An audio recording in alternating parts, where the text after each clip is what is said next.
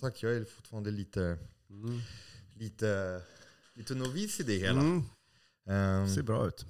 ja men det känns eh, jättebra. Jag är glad, jag, jag har inte fixat min frisyr Nej, inte jag heller. Jag säger att du inte gjort Jag, det heller. jag, har, eh, jag har haft keps, du vet jag tog på mig keps med blött hår. Ja, ja men det är bra. Det behöver inte kännas. Vi, vi får vara lite så här rufsiga, rufsiga gänget. Och naturell. Ja, hej Johan. Fan vad, vad nervös jag blir nu när jag ska brygga eh, kaffe som är din kaffe eh, framför dig. Alltså jag hade varit ännu mer nervös om jag hade bryggt inför dig. För det, det är ju ett kaffe från, eh, jag har en gård i Colombia som är, heter Finca La Tierra. Och nu känns det ju väldigt viktigt att det här blir bra. Mhm. Eller hur? Ja, alltså Det- jag har super höga förväntningar. Men än så länge, det luktar ju helt magiskt. Ja, vad bra. Eller hur? Jag, jag gör rätt nu. Alltså jag har ju vägt 60 gram kaffe, jag har en Ja. liter vatten här. Vattnet är inte 100 grader, den är lite Ja. under. Den har kokat och sen kommit ner lite. Mycket bra. Jag har tvättat filtret Mycket med varmvatten, så det har bort papperssmak. Jag har eh, nu lagt lite vatten så att den ska svälla upp. Blomma, som Blomma. det så fint heter. Jaha, alltså nu, jag är bagare. Eh, jag har inga, men eh, jag har sett många eh, baristor fixa kaffe åt mig. Så Ja. att, jag har lärt mig genom att se. Och så har du ingen våg. Det tycker jag är modigt. Men jag vägde vattnet. Ja, jag ja vägde du vägde kaffet. vattnet. Ja, Så ja. att jag tänkte nu om... Mycket bra. Som, Mm. ja, Under kontroll. under kontroll. Mm. Ja, fan. Jag har ingen våg. Så det är? Välkommen på Bryta bröd. Ehm, Jag har eh, Johan Ekfeldt som eh, är eh, min stora kaffeförebild. Och jag tänkte att vi ska snacka kaffe. Precis. Så, då sitter vi då i mitt kök. Och, så det passar ganska bra. Härligt. Man blir liksom hypnotiserad här av... Mm. eh, Ja, men det är någonting med. Chemex. Det är där de som har kommit på det här. Ja. är Jävligt häftigt. Ja, det är så tjusigt. Det gör också kaffet till ett slags ceremonial. Ja. Det är, man fixar alla delar och bereder saker. Och så, och, alltså det, det, det ökar ju njutningskänslan. Nej, men det blir något väldigt så ceremoniellt över Mm. det. Mm. Alltså jag blir... Det är som en slags meditation. Man Mm. borde införa sådana Chemex-meditationer. Ja. Kan man ha piskaffe som är plockat av barn med pesticider också? Helst inte va? Helst inte. Det där, alltså den här ceremonialen, den är så, den är så häftigt. Det är lite det som kommer, som kommer hända. Jag har så många frågor eh, till dig. Mm. Eh, dels, vi är en av de länderna som dricker mest kaffe i världen. Eh, samtidigt som vi, de flesta dricker ganska pissdålig kaffe, eh, överrostat. Det, är- det är lite så vi träffades för, för många år sedan. Kan du, kan du börja bara berätta lite vem du är? Från Ja. dina egna ord. För det, många vet inte eh, riktigt tror jag. För du, du är Nej. ganska så här, lågmält.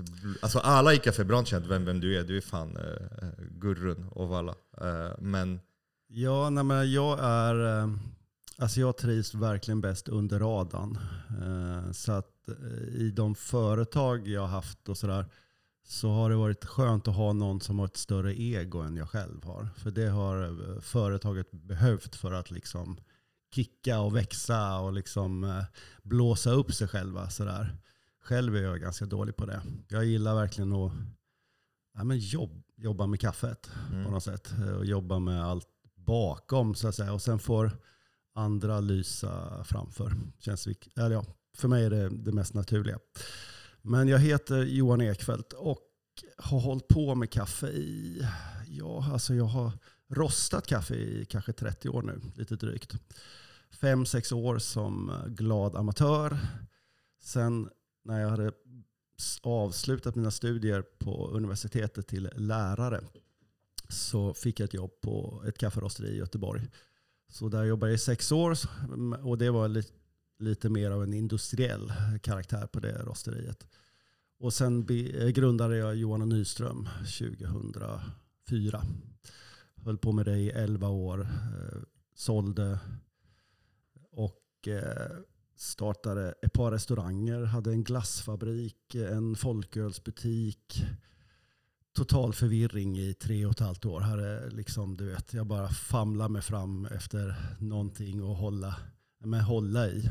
Det är inte bra när man säljer sitt stora Ja, rosteri och har förbud att jobba med kaffe. Då måste Nej, man hitta på lite andra saker.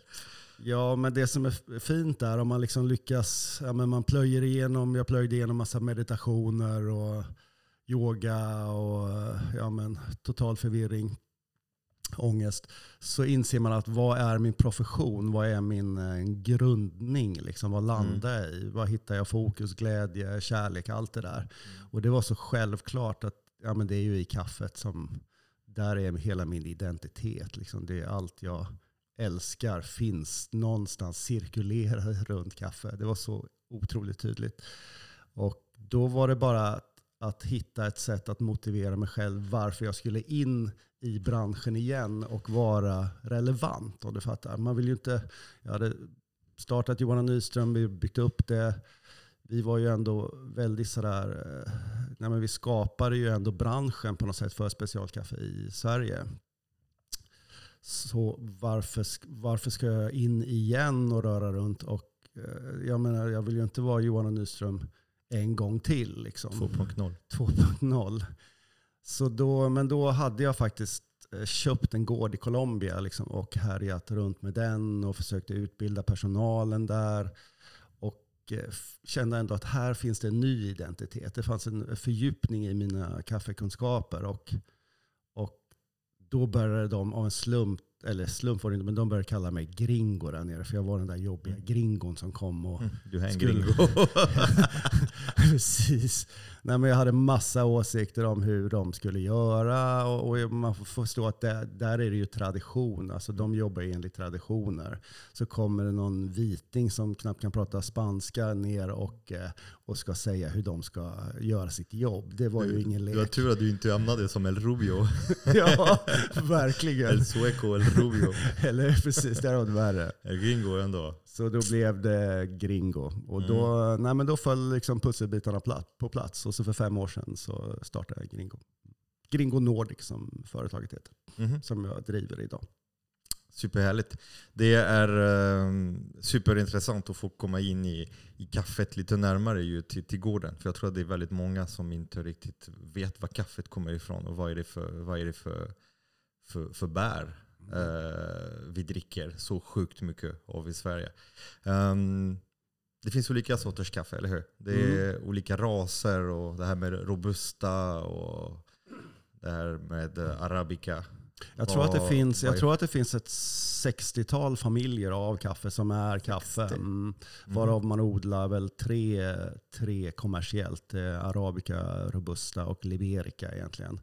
Eh, Robusta tar ju mycket mark nu eh, i och med att börjar bli lite trendigt i helt plötsligt. Att Okej. odla fin Robusta, bra Robusta. Mhm. Till och med specialkafferosterier börjar ta in Robusta nu. Är det den som är lite beskare, som har lite mer koffein? Och, Den är torrare, beskare, har ju egentligen ingen sötma. Eh, Men med nya fermenteringsmetoder och sådär så kan man ändå tydligen få fram en, en bra kopp av det. Mhm, okej. Men framförallt är den ju mycket tåligare mot eh, ja, men värme. Du kan odla den på låg höjd, den är högpresterande och så vidare.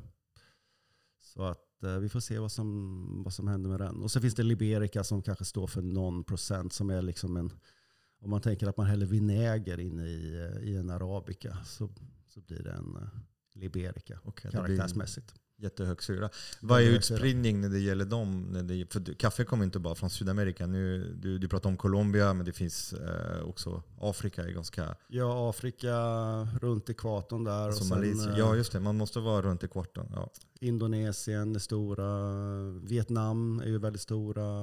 Ja, det finns ju ja, de flesta länderna runt ekvatorn egentligen. Men största, största produktionsland är ju fortfarande Brasilien. Right? Brasilien är ju monstret inom Mm. kaffe. Och vad är det för kaffe de odlar där? Har de båda och? Eller är det mest De robusta? har då? något som heter Cornilon som är en robusta variant. Men framförallt är det ju arabica. Arabica. okej. Monokulturell Mhm. Arabica. Det gillar inte. Det är ett förlort. Monokultur. Det låter så tråkigt. Ja, men det är verkligen det det handlar om i Brasilien. Mm. Det är platta marker, det är maskinellt, det är i princip inte ett skuggträd så långt ögat kan nå. Mm.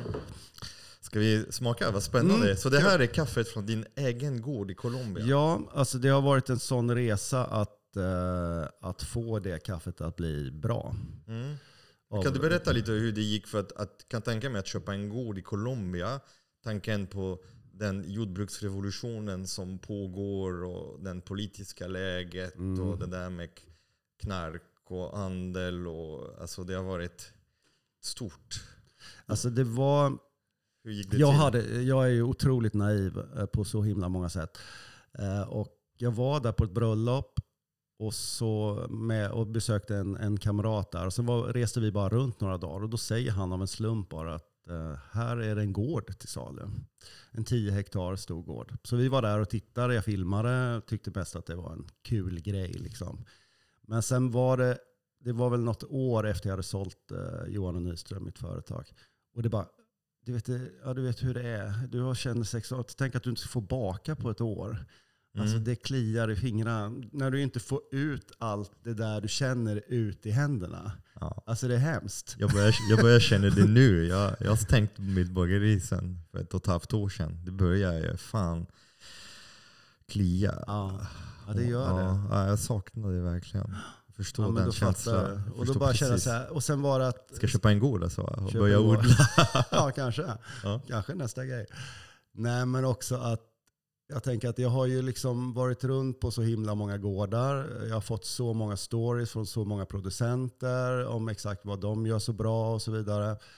Men frågan var ju, vad egentligen kan jag själv om liksom att odla kaffe? Jag kan ju förädla det, jag vet vad som är bra kvalitet, allt det där. Men har jag egentligen en aning om att, hur det är att odla? Det hade jag inte. För man får ju en väldigt fin bild av hur det är på ett kaffeplantage. När man, som rostare är man ju en kund när man kommer ner till mm. en producent. Så han visar ju upp den tjusiga bilden. Mm.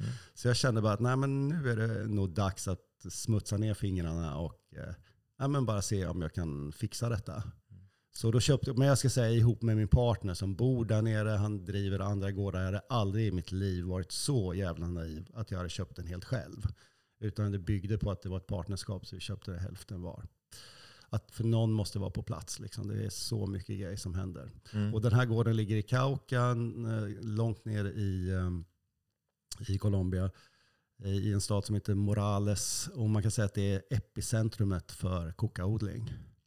Okej. Okay. Och när, när, när ungdomarna i Stockholms stad eh, börjar liksom dra liner, då ökar ju koka-businessen ganska radikalt. Och efter, man kan säga efter fredsuppgörelsen med Colombia så släppte ju västvärlden hela fokuset på Colombia. För nu har vi en fredsuppgörelse här. Och då blev det egentligen mer eller mindre helt fritt att odla koka. Så när jag var där första gången så så kunde man se, för man ser hur kokan skiljer sig från kaffet. För det är väldigt mycket kaffe där också. Mm. Och kaffet är så här mörkgrönt medan kokan är lite ljusgrönare. Lite så åker du upp då på lite höjder så kan du se vad kokaodlingarna är. Och då såg man väldigt tydligt att de är väldigt, så här, de är mitt ut, in, in the middle of nowhere. Mm. Men nu om du åker ner där så är det i princip utanför stadshuset så kan du hitta koka, kokaodling. Alltså det är överallt. Det har helt släppt. Är det inte kulturellt där också? Alltså odla kocka, tugga på kocka? Och In, nej, inte, inte, där, nej, där inte, bara, som, inte som Bolivia till exempel. Det är, nej, ja, det är business. Jag, jag, har äh, lite koppling med Peru. Och då I Peru är, ja, det är när man är lite högre, högre altituder, det är, alltså, det är som kaffe man äter mat, sen man tar fem, fem tio blad uh, i munnen och, och, och låter dem lite som en snus lite på sidan mm, om. Och det hjälper, det är lite samma, man blir lite pigg och så. Man blir lite skön. Uh, mm. Eller man, ja. Men där är ju, okej okay, jag trodde att knarkhandeln hade ju minskat och så, men det, det är Absolut inte. Finns det. Men hur, hur är det med att odla kaffe då? Är det, för jag antar att det är inte samma avkastning uh, Nej, per hektar? Problemet för oss i det läget blir ju att de som jobbar för kokaodlingarna tjänar ju väldigt mycket mer. Liksom. Så att mm. de, eh, ja, men de här ägarna hämtar ju då arbetarna helt plötsligt. De är inte vana vid att hämta De får ju ofta ta sig till odlingarna själva. De hämtar dem i så en, en, helt nya pickupbussar liksom, och eh, de får ja, upp till fem gånger mer betalt än vad du möjligen kan betala som, eh, som, som kaffegård. Så att det har varit jättesvårt att få plockare. Hur, hur gör man för att hitta personal? Då måste man hitta de som inte vill jobba med, med faktiskt, kockar. För ja. det, det, är inte så smutsigt där att jobba. Alltså jobb är jobb och man gör det man ska göra. Det är inte, hur kan Nej. du hitta duktiga plockare? Som man kan... får vara en väldigt bra arbetsgivare. Och min partner där är, eh, har en lång historia. Hans pappa var en väldigt viktig person i byn. Så att det är mycket det här, alltså har den historien, har ett eh, DNA av att vara en pålitlig person och sådär. Mm. Så att det är mycket det. Och sen är det, ja, men det är ofta lite äldre kvinnor som kommer och plockar som kanske inte du vet, vill vara i den industrin och sådär. Men det är, det är svårt. Mm. Men kan du berätta lite hur det, hur det går med alltså själva, själva säsongen? För det, det, man plockar bär och de mognar inte alla samtidigt. Det är inte som ett vettefält. Nu är jag van med spannmål som är hopp, man tröskar och sen är det klart. Här är det lite längre period, eller?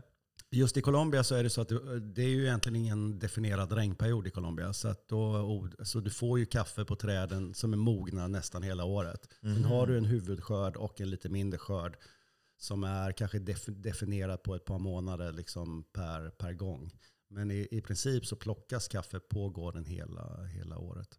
Mm. För, för Centralamerika, det är lite mer säsongbetonat. Där har du ju mycket mer cykliskt värde, ja, precis. Ja. Och då får du en, du har en, en skördeperiod så att mm. säga.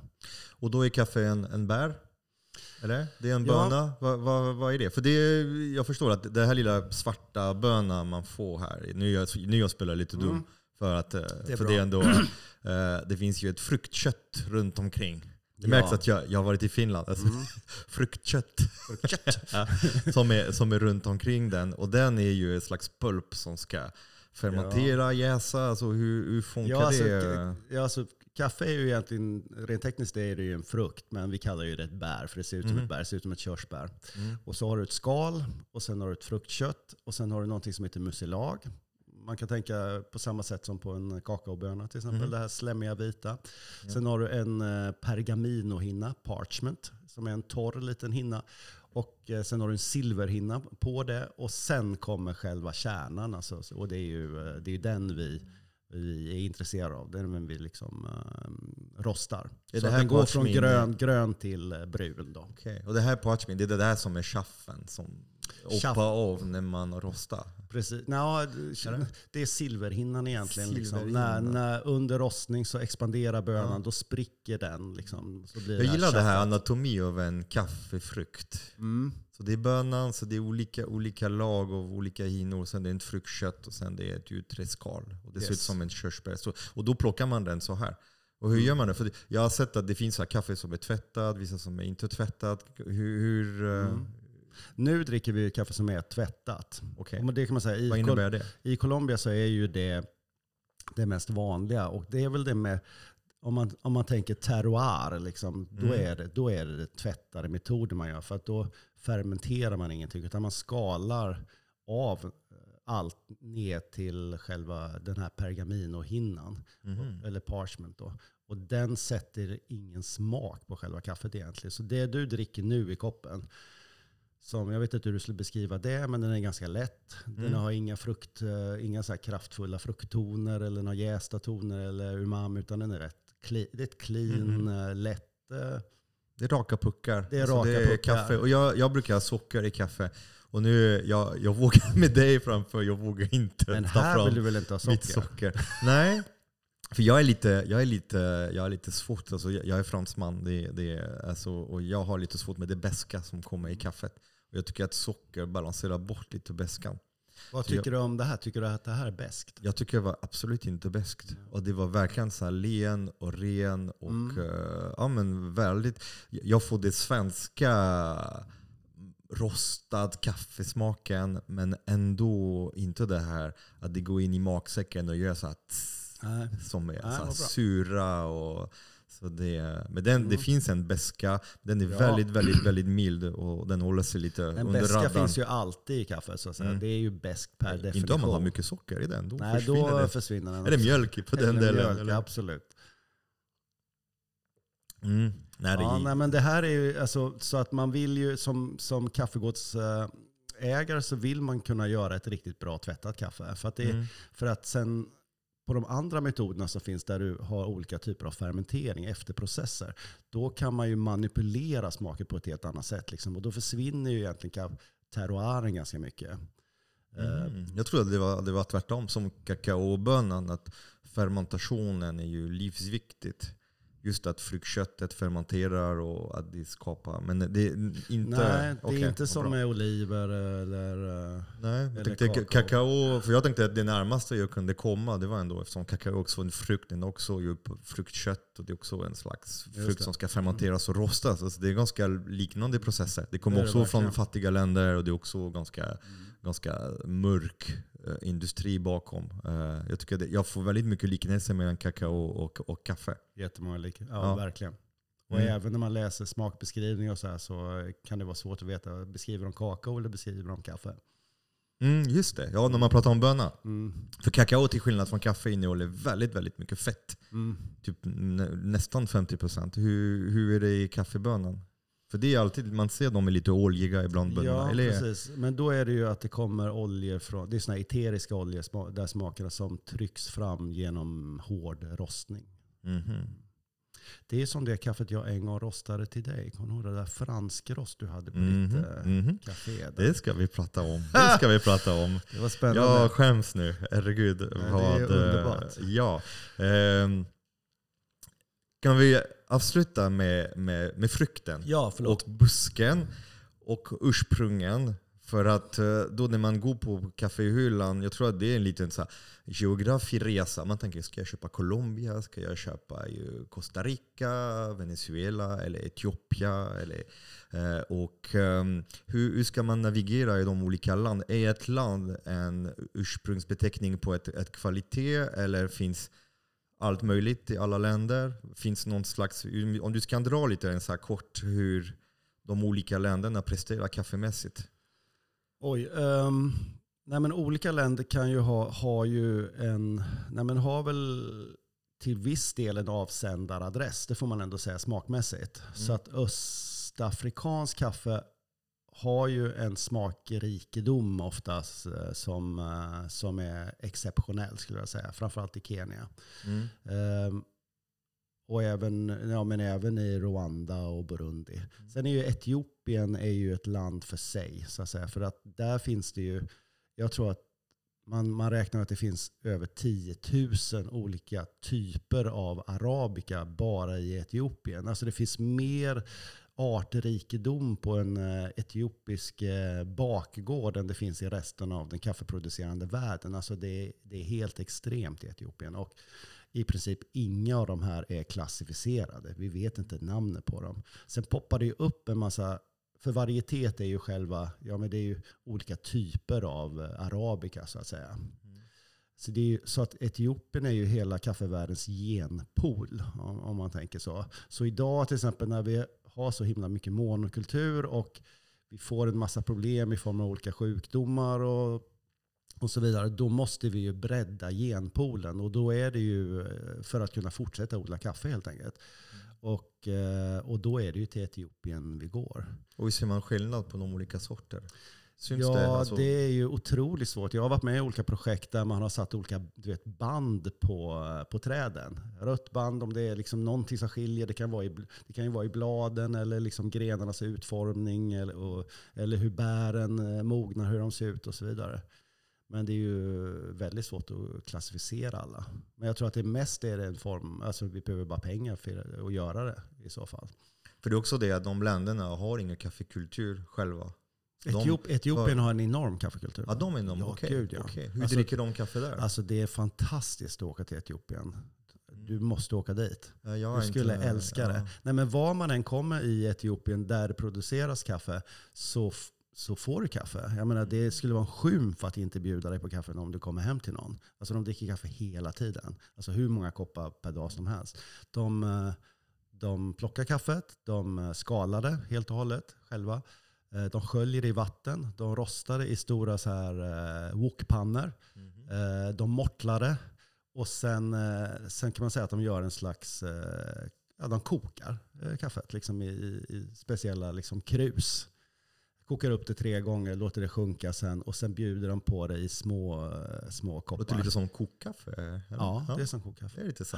Okej. Och sen, men du får ju ha ganska gott om tid som du hör. Om Mm. du ska vara med på hela, Ja. hela resan. Jag hade en bild av att, eh, just alltså det var kanske i Kenya, att just att eh, det är ganska vanligt att man får sån här express, alltså sån här snabb kaffe, att det, att det fanns inte riktigt lokal Ja, alltså kaffekultur. åker du till en traditionell kaffegård, var den är i världen, då Mm. får du kaffet från uh, ett supermarket. Mm. Och det är ofta robusta eh, från eh, Vietnam. Mhm. Det är det vanliga. Okej, är det det, det vanliga? Jag har ju varit med om ett antal gånger där man, när man var ny och glad i branschen och man hade då, när man besökte gården som man hade rostat kaffe ifrån. Så man kom till, låt oss säga Colombia med det där kaffet som man hade köpt av den här eh, Mm. producenten. Man hade med kaffe. Titta här, här är en påse, här är ditt namn på. Och ja, han såg väl glad ut liksom. Nescafé. ja men du vet, han tycker, de har i princip alltid tyckt att det är helt odrickbart. Du vet, det är först när de får gå och hämta sockret. Du vet, de, de skickar i en matsked socker i koppen. Då blir det ett leende. Mm. Nu är det gott.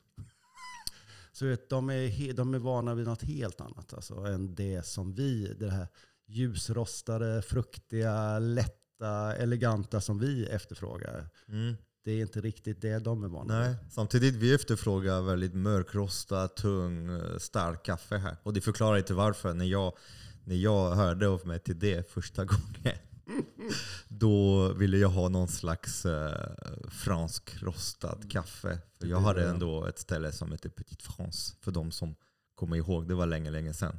Eh, på John Erikssonsgatan.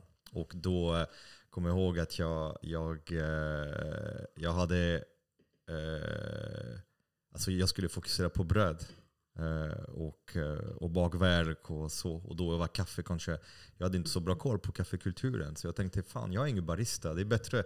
Så jag kommer ihåg att jag, jag köpte en sån där helautomatisk VMF-café som är typ alla baristas kaffe, människors mardrömmen. Eh, och, och då det, jag tyckte jag, vad fan. Okej, hur ska vi göra det här? Och, och, och då köpte jag ett sånt där franskrostat kaffe. Men eh, det är lite roligt, för första gången jag, vi, vi, vi pratade, det var ju via nätet. Kommer, kommer du ihåg?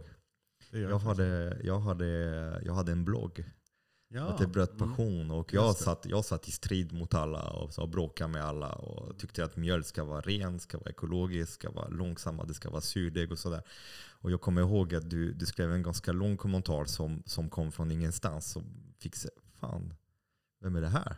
Som skriver. Du skrev, du hade druckit, ett, du hade druckit ett, några, några glas vin Ja, men en ofta- lördagskväll. Ofta är det så. Och sen satte du framför din dator och sen bara, jag kommer ihåg att det, det lät verkligen, du, pratade, du skrev från hjärtat rakt ut där och berättade om hur du, du, du kände igen liknelse med, med, med kaffebranschen som den var när ni satte igång och att eh, när ni skulle sätta igång Johan och Nyström, ni hade ganska mycket inspiration från brödbranschen som också var eh, lite, eller lite, ganska storrutet. Eh, det var det som var, som var grejen. Och då skulle ni sätta igång ett, ett kafferosteri. Eh, men hur, um, nu nu känner nu i efterhand, det där att bra kaffe kommer att heta speciell kaffe. Hur, hur känner du kring det begreppet? För det gör mig lite, lite, lite ledsen att det ska vara så i Sverige. Att eh, vanlig är dålig. Alltså en vanlig banan, en vanlig kaffe, en vanlig potatis, en vanlig mjölkpåse. Det är konstgödsel, bekämpningsmedel från början. Och sen om man tar den till en kolonial råvara, alltså vanlig choklad och vanlig kaffe eller vanlig te. Då är det också en människor och Mm. fattigt land och en rad olika förutsättningar som de flesta skulle egentligen vilja vara med om. Ehm, hur, hur kom det sig att bra kaffe är speciell och dålig kaffe är vanlig? Oj, det där är så jättebra. Alltså det där har jag börjat tänka på väldigt mycket nu, det senaste. För att det har alltid, eller man kan säga så här, det har varit tvetydigt som kafferostare. Hur mycket ska jag använda att vi är Gringo Nordic, vi är ett specialkafferosteri. Eller ska vi säga så här, men vi är Gringo Nordic, vi är ett kafferosteri. Ja. Eh, Det är de och- andra som är dåliga. Vi är bra. Ja, nej men det blir så, alltså, så här är det. Det har varit viktigt för branschen att, att definiera någonting från industrin. Det- Mm. Det är för att sättet att jobba som ett specialkafferosteri är helt annorlunda mot hur det är att jobba som, som ett industriellt eh, rosteri. En vanlig. Vanlig. Ja. Ja, då skiter i att säga industriellt. Jag säger vanlig då. Ja. Det är samma sak. ja, eh, jo, nej, men det, är helt, det är helt olika kanaler, helt olika sätt att göra business. Eh, ja, men det är så otroligt mycket som skiljer sig åt. Mm. Så att det har ju varit jätteviktigt att vi har en identitet och då har det Mm. blivit specialkaffe. Men nu, jag håller med dig att hur länge ska vi hålla på med att det där är special? För det där är väl inte special. Det vi gör är ju bara att vi, vi bara Ja, bra. vi gör ju det bra som det ska göras. Alltså, går, man, går man på specialrestaurang när man går på en lite finare restaurang som lagar mat från grunden med bra råvaror? Eller? Va? Om man, Går man till en vanlig, alltså, ja, ja, eller hur? vanlig restaurang, ett speciell Nej, restaurang? men jag går på en specialrestaurang. Jag går på Ja. speciell restaurang, eller jag äter bara speciell mat. Eh, Det, det är ändå lite, lite sjukt, för att jag, jag känner igen den här liknelsen för mig, för att jag har alltid vägrat göra speciell bröd. Jag har bara velat göra bra bröd. Jag har Mm. velat göra ett bröd som är gjort med omsorg från spannmål som har odlats med omsorg, som har tagit hänsyn till mångfald, att det ska inte vara en monokultur, att det ska vara fina anverksprocesser. Och där är, man tar mycket risker. För det är Mm. mycket beslut man måste ta längs vägen. Och det är det som skapar ett speciell produkt. Mm. Alltså som gör det här speciella. Eh, men det är kanske dags att, att växla bort. För jag vet att hela kaffebranschen, det, det är en väldigt bra referens för mig när jag pratar just van, vanlig banan och vanlig kaffe. Mm. Att det, det är ofta betonas som ett hyfsat dåligt. Samtidigt som det är jättemånga där ute som nöjer sig med vanlig kaffe och vanlig banan och vanlig choklad och vanlig mjöl. Hur ska vi, hur ska vi dra in eh, alla mot ett kaffebransch som är ju schysstare. Och, eh, för så länge de dåliga stora aktörer gör, gör vanlig kaffe och att den är accepterad som, alltså det kommer alltid bli svårt att, att, att växa och ta marknad. Mm. Jag, jag, jag har inte klurat den här, den här Det, frågan. finns, det är svårt att hitta ett... För jag menar, om man tittar på vin, ja men då, då heter det naturvin. Om det Mm. Är det gott vin? Alltså man kan ha, har du någon gott vin? Och det är ofta så pris på flaskan och det är etiketten och det är, kanske att det är någon som har pressat, odlat, gjort vinet som skiljer. Och sen naturvin det har blivit på sistone lite, lite mer en begrepp för en produkt som har ett ursprung, det finns en metod, det finns ett stolthet, det finns en passion. Det är inte en industriell. Vi hade ett avsnitt med Ida från dryckesbutiken som berättar lite vad som händer i Simrishamn. Ja. Om, om ni är intresserade av uh, vinindustri, och vi hade en ganska rolig liknelse av att gå till Systembolaget. Och det är ungefär som om, jag ska, om, om Ida ska gå på Systembolaget och köpa vin, ungefär om jag ska gå på Ica Coop och köpa bröd. Typ, Ja. Jag står här mellan lingongrova, formfranska och en rad olika processade produkter som har absolut noll koppling till platsen längre. För det är så många steg och tillsatser och industriella processer emellan.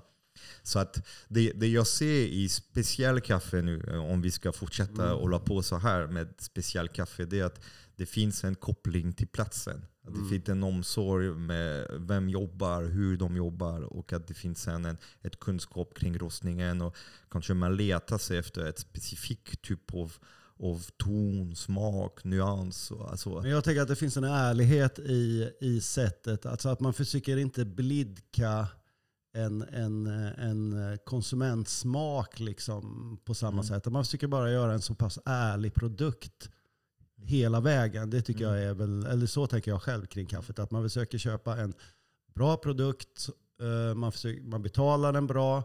Vi, vi sätter ju, det är ju inte vi som sätter priser på kaffe. Det är också en viktig aspekt. Det gör ju producenten. mhm. Jag har aldrig under alla år jag har köpt kaffe, och det är 20 år, har jag aldrig inte betalat det producenten vill ha. Okej, du är ingen vanlig gringo alltså? Ingen vanlig För det är det gringo gör. De kommer Ja, och förhandlar priset så lågt som möjligt. all- så att alltså de jag, kan kan tjäna helt, massa pengar. jag kan helt ärligt säga att jag har aldrig prutat. Det Aha. har aldrig hänt Nej? under alla år. För, jag, för de producenter man jobbar med och, och vill ha en kontakt med cykliskt liksom år ut och år in. Mm. Jag måste lita på att de tar det priset som de måste ta. Liksom. Mm. För det sägs att alla kaffeproducenter i, i Centralamerika, i nord, nord södra Amerika säljer kaffet under priset. Att marknaden pressar så hårt Ja. så att de ändå de har jättesvårt att, att komma runt. Och att det påverkas direkt. Odlingsmetoden, alltså arbetsförhållande och, och så vidare. Vad, hur, hur, kan, hur kunde ni hitta marginalerna när ni inte behövde pressa priserna? Nej, men alltså, det är inte de enorma skillnaderna i priserna. än- Numera ska jag säga att nu är det en väldigt stor skillnad mellan, eh, mellan kaffe och kaffe. De här verkligen experimentella kaffena är jättedyra. Mm. Eh, verkligen. Men då är de också väldigt dyra ut. Nej, men vi, lyckas, vi är ju lite dyrare. Det är ju en- det är det enda det handlar om egentligen. Och vad är det Så man att- köper då när man köper den här dyrare kaffe? man köper en väldigt mycket ja, men man köper en bättre produkt. Alltså både kvalitetsmässigt bättre, Mm. men sen också någon som gör att den här producenten kan fortsätta odla kaffe. För att det är ju ändå så, tänka som hela jordbrukssektorn, att vi, vi har ju ett stort generationsskifte inom kaffe. Och om, folk, om producenter sitter fast i liksom det här vad ska man säga, kommoditet, vad heter det? Kommoditet, Commodity. the commodity. Liksom. Mm, om man är som fast stål i och... det. Det går ju, alltså vem, vem fan vill ta över en sån gård idag? Liksom? Du vet, Mm. där det bara är, det är mono, det är, du vet, all energi ska komma utifrån hela tiden. Mm. Det är ju en hopplös Det situation. måste växa konstant. Ja, växa konstant klara- för att klara klara det. dem. Och du vet Mm. aldrig vad du får betalt nästa gång. Liksom, för det styrs av en New York-börsens spekulation. Liksom. Mm. Det, Det där Det- med commodity det är att man, man behandlar ju en råvara som stål. Ja, Eller exakt. sand eller alltså någon slags. Att det är så lite, det det, funkar är med dagspris, världsmarknad. det är dagspris. Så fort man har, man har ju levererat till kooperativet, då kommer in på världsmarknad och då är tillgång och efterfrågan som styr priset. Mm. Och det är ett ganska, ganska tråkigt system. Det är samma sak med spannmål. Eh, kan du beskriva hur stora kafferosterier gör sitt kaffe? Alltså den här svenska kaffet som alla verkar älskar och man hör det här gnället hela tiden. Eh, uh, över att kaffet är för klen och kaffet är för ljus. Och det, vad är det här för bruk? Man tar en sked och tar kaffe där och tittar i sin sked och ser botten på skeden och tycker att man har blivit lurad. Kan du berätta lite grann? För det, det var också lite ett aha-upplevelse när jag fick lära mig mer om det. För som sagt, jag hade, jag, hade, jag hade ett ställe i Spanien, alltså du förstår. Okej. Kaffe med mjölk, eh, alltså uh, mjölk, eh, piss, UOT, alltså superhög pasteuriserad mjölk och sen bränd kaffe och kalkvatten och, och smutsig maskin. Och, och, så, och sen kommer till Sverige och ska plötsligt möta den här specialkaffekulturen som, som håller på att blomma ut. Hur, vad är skillnad? För jag förstod att jag har sett många så här mini-rost och så, här, så själva maskinerna, det är en ganska lång process, det går långsamt. Jag har sett alla de, de där kurvor. Jag har hängt en del med, med, med Joanna Alm som har Drop Coffee, som är här runt hörnet, som vi, vi är på Söder. Eh, och eh, de där superprecision med rostning och kurvan, det ska gå långsamt och så. Eh, är det så det går i hos eh, Arvid Nockvist? För att bara nämna en. Nej, men alltså problemet är inte om det är en snabb eller långsam kurva. Alltså när vi startade Johan Nyström då var det ju sjukt viktigt med konceptet slow roast. För att det var ju ett sätt att differentiera sig mot industri. Jag fick inte säga industrirostarna, men det säger jag ändå. Nej, de är vanliga. De vanlig vanliga, rosteri. de vanliga stora rostnerier. För där rostar man väldigt snabbt. Men sen har... Hur snabbt, hur snabbt är det? Alltså Nej, men är, kanske, jag tror att det traditionella nu är att du har en förkammare där du värmer upp kaffet eh, och sen skickar du in det i rosten och då kanske du har en rost eh, mellan tre och fem minuter kanske. Mhm. Men det i sig behöver inte betyda att det inte blir bra kaffe. För jag tror att många mindre rosterier försöka undvika att använda ordet specialkaffe också. Eh, eh, har gått från eh, ganska, ganska långa profiler till, till betydligt kortare. För att vi vill få fram väldigt mycket frukt, väldigt mycket så pigga aromer och då Mm. är det lite kortare rostprofiler. Då kanske det är runt 9-10 minuter. Okej. Så det har nog blivit kortare där. Men vad industrirost, vad de vanliga rosterierna Mm. gör och vad, vad så att säga, branschen har lärt konsumenterna att hur kaffe ska smaka, det är ju nämligen att man, man bränner sönder, eh, eller man bränner eh, oljorna liksom i kaffet, i aromerna. Så kaffet är helt enkelt bränt när det kommer ut. Mhm. Så du sätter väldigt stark karaktär av själva rostkaraktären av kaffet om du förstår. Och då blir det ju att det blir bittert. Eftersom bränt är ju bittert. Mm. Och då måste man smakkorrigera på något sätt för att det är ju inte gott. Italienarna har ju, om man tar italienarna som exempel, de har köpt billigast kaffe i Europa under så många år. Det finns ju inte en italienare som inte har socker i espresson, för de, de måste ju korrigera med socker. Här korrigerar vi oftast med mjölk istället. Så att jag skulle säga att 85% av alla som dricker kaffe Mm. gör det med mjölk. Så det har man ju liksom definierat. Och, då blir ju, och när du bränner det, då blir ju också kaffet väldigt eh, mörkt. Mm. Eller hur? Så det ser ju mörkt ut. Och mörkt, det är bra, liksom, Mm. tycker, tycker människor då. Så att där någonstans så har det gått fel. Så mörk kaffe har någonting att dölja. Det är Ja, det- ett brist. Alltså det, är det inte enklare att, att täcka över bristen på en kaffeböna? För lite så är det med choklad. Att eh, choklad, en billig kakao den är ofta dålig fermenterad och snabb. Och det kan vara så massa konstiga smaker. Det är ojämn storlek på bönor och det är si och så. Och ma- massa defekt. Det är också ett bra sätt att dölja defekter. Här är det samma sak med kaffet. såklart att det är. För att det, det du smakar, känner, det är ju smaken av rostning så att säga. Mhm. Alltså att det, att det är bittert. Inte, du känner ju inte någon terroir. Eller du har ju, det är ju omöjligt att säga om kaffet kommer från Central, Sydamerika, Afrika, Indonesien. Du har ingen aning. Mm. Så det är klart att det är. Jag gillar att du använder ord, ordet terroir. För där är på franska, det är, det är, lite, det är ett franskt ord som Ja, finns vet. inte på svenska. Att eh, vi, har inte, vi måste skapa ett ord som terroir. Äntligen ska alla börja använda terroir. Som är, på franska betyder smaken av en plats. Att Ja, en det. plats har ju ett special eh, klimat, typ av jord. Det kan vara också så här, om det är berg, eller om det är, om det är en dall, om det är lera, om det är kalk. Om det är, och sen det är människor också. För terroir det är inte bara platsen, det är också människorna och kulturen bakom. Som ofta är för sig är anknutet till, till platsen. Så det är superhärligt. Men då är det, när man ser den där industrikaffe, nu- säger jag också industrikaffe nu så att vi- får sluta hålla på och tramsa. Vi får, eh, det, det, är det, det, det behövs en, alltså du, du var med och startade en revolution inom kaffe och jag tänker att vi fortsätter. Ja. Eh, Men den här industriella kafferostning, den eh, säljs ofta med lite så fina etiketter och fina begrepp och så. Och sen priset är ofta ganska lågt om man jämför med alltså de, de där kaffe som är, som är faktiskt som den vi dricker nu till exempel. Hur, eh, vad, vad köper ett kaffe, kilo kaffeböna från en, från en bonde i Brasilien? Eller det du sa i vad var det, Vietnam? Mm, Vietnam vet jag inte faktiskt. Jag har dålig koll på det. Vad, vad, vad är kaffepriset? Alltså, så att man har en idé ungefär. Ja, okej. Nej, men Jag tror att idag så ligger kanske kaffepriset runt 100, om du går in och kollar New York-börsen, på 150 cent per pund. Så att du betalar, pund? pund är 450 gram. 450 gram. Så att låt oss säga att om du då skulle köpa det här brasilian, och då är det ju egentligen Brasilien som är liksom normen för New York-börsen. Så låt oss säga att ett bra Brasilien-kaffe idag som skulle passa ett, ja, men ett svenskt lite större rosteri kanske skulle landa runt ja, 3,20-3,30 dollar. Så 35 spänn kanske, Kilot. kilot. Och den är torkad. Då är den, då är den, fär, då är Färdig. den färdig i säck, liksom, redo att exporteras. Och den ska rostas. Den, Den ska är rostas då. orostad. Ja, Okej. precis. Men sen Hur mycket vikt tappar man vid rostning?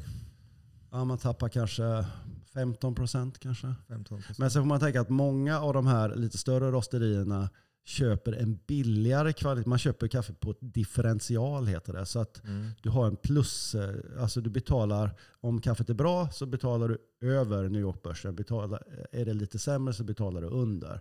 Och då har de flesta, skulle jag tro, ha en minusdifferential på kaffet. Så att då kanske de betalar 2,80 eller 2,90 Mhm. dollar De tänker inte vi ska köpa den som är lite bättre Det är- kvalitet. Det tror jag inte. Det är väldigt få som gör. Det tror jag. Har de Kan, du märka kvalitetsskillnad på, på den typ av kaffe? Eller rostning är verkligen grym på att Alltså, dölja de, bristerna. alltså de enda gånger jag dricker den typen av kaffe det är ju när man är ute på restaurang eller sådär. För den är ju också, för den är, den är ju dominerande. Och då är det ju, Ja. jag dricker nästan aldrig kaffe i sig ute, men när jag väl gör det, Mm. och då är det ju 90-95% mörkrostat. Väldigt, Och väldigt mörkrostat. Eh, Framförallt här i Stockholm där Arvid Nordqvist kör sin extra bold. Liksom. Det är ju Mm. fullständigt eh, trashat i rosten. Eh, och då, jag kan inte känna något annat än att det bara är så jävla bittert. Jag brukar dricka lind och kamomillte, alltså Ja. örtte på restaurang. För där, där vet man åtminstone det, att det, Det är bra. att det är bra. Mm. På tal om restaurang när vi ändå är där. Ja, kaffekulturen har inte tagit sig hela vägen på restaurang. Det är fortfarande lite så här, och nu jag ser det har blivit en hel kultur med Nespresso och Mm. kapsel och de där koncept där som Mm. har grym bra marknadsföring och som ska leverera det här toppen kaffe. Hur, Mm. hur ser det ut alltså i själva verket? Är det verkligen så bra som det sägs vara? Nespresso? Ja. Alltså, den, den, alltså det finns lite olika, olika märken, olika typer. Men de koncept när man, man stoppar en kapsel i en maskin, trycker och, bara, och brummar in där. Alltså jag tror kvaliteterna är det nog inget fel på. Jag har sett, för det har varit hos små exportörer i Colombia där jag har sett vad de betalar för kaffet, eh, Mm. Nespresso. Och de betalar bra för det. Liksom. Så jag tror att de håller kvaliteten uppe. Eh, det är väl allting runt omkring. Det här absurda men bara, det, alltså det här slit och släng liksom med den här plasten. Alltså jag, George Clooney.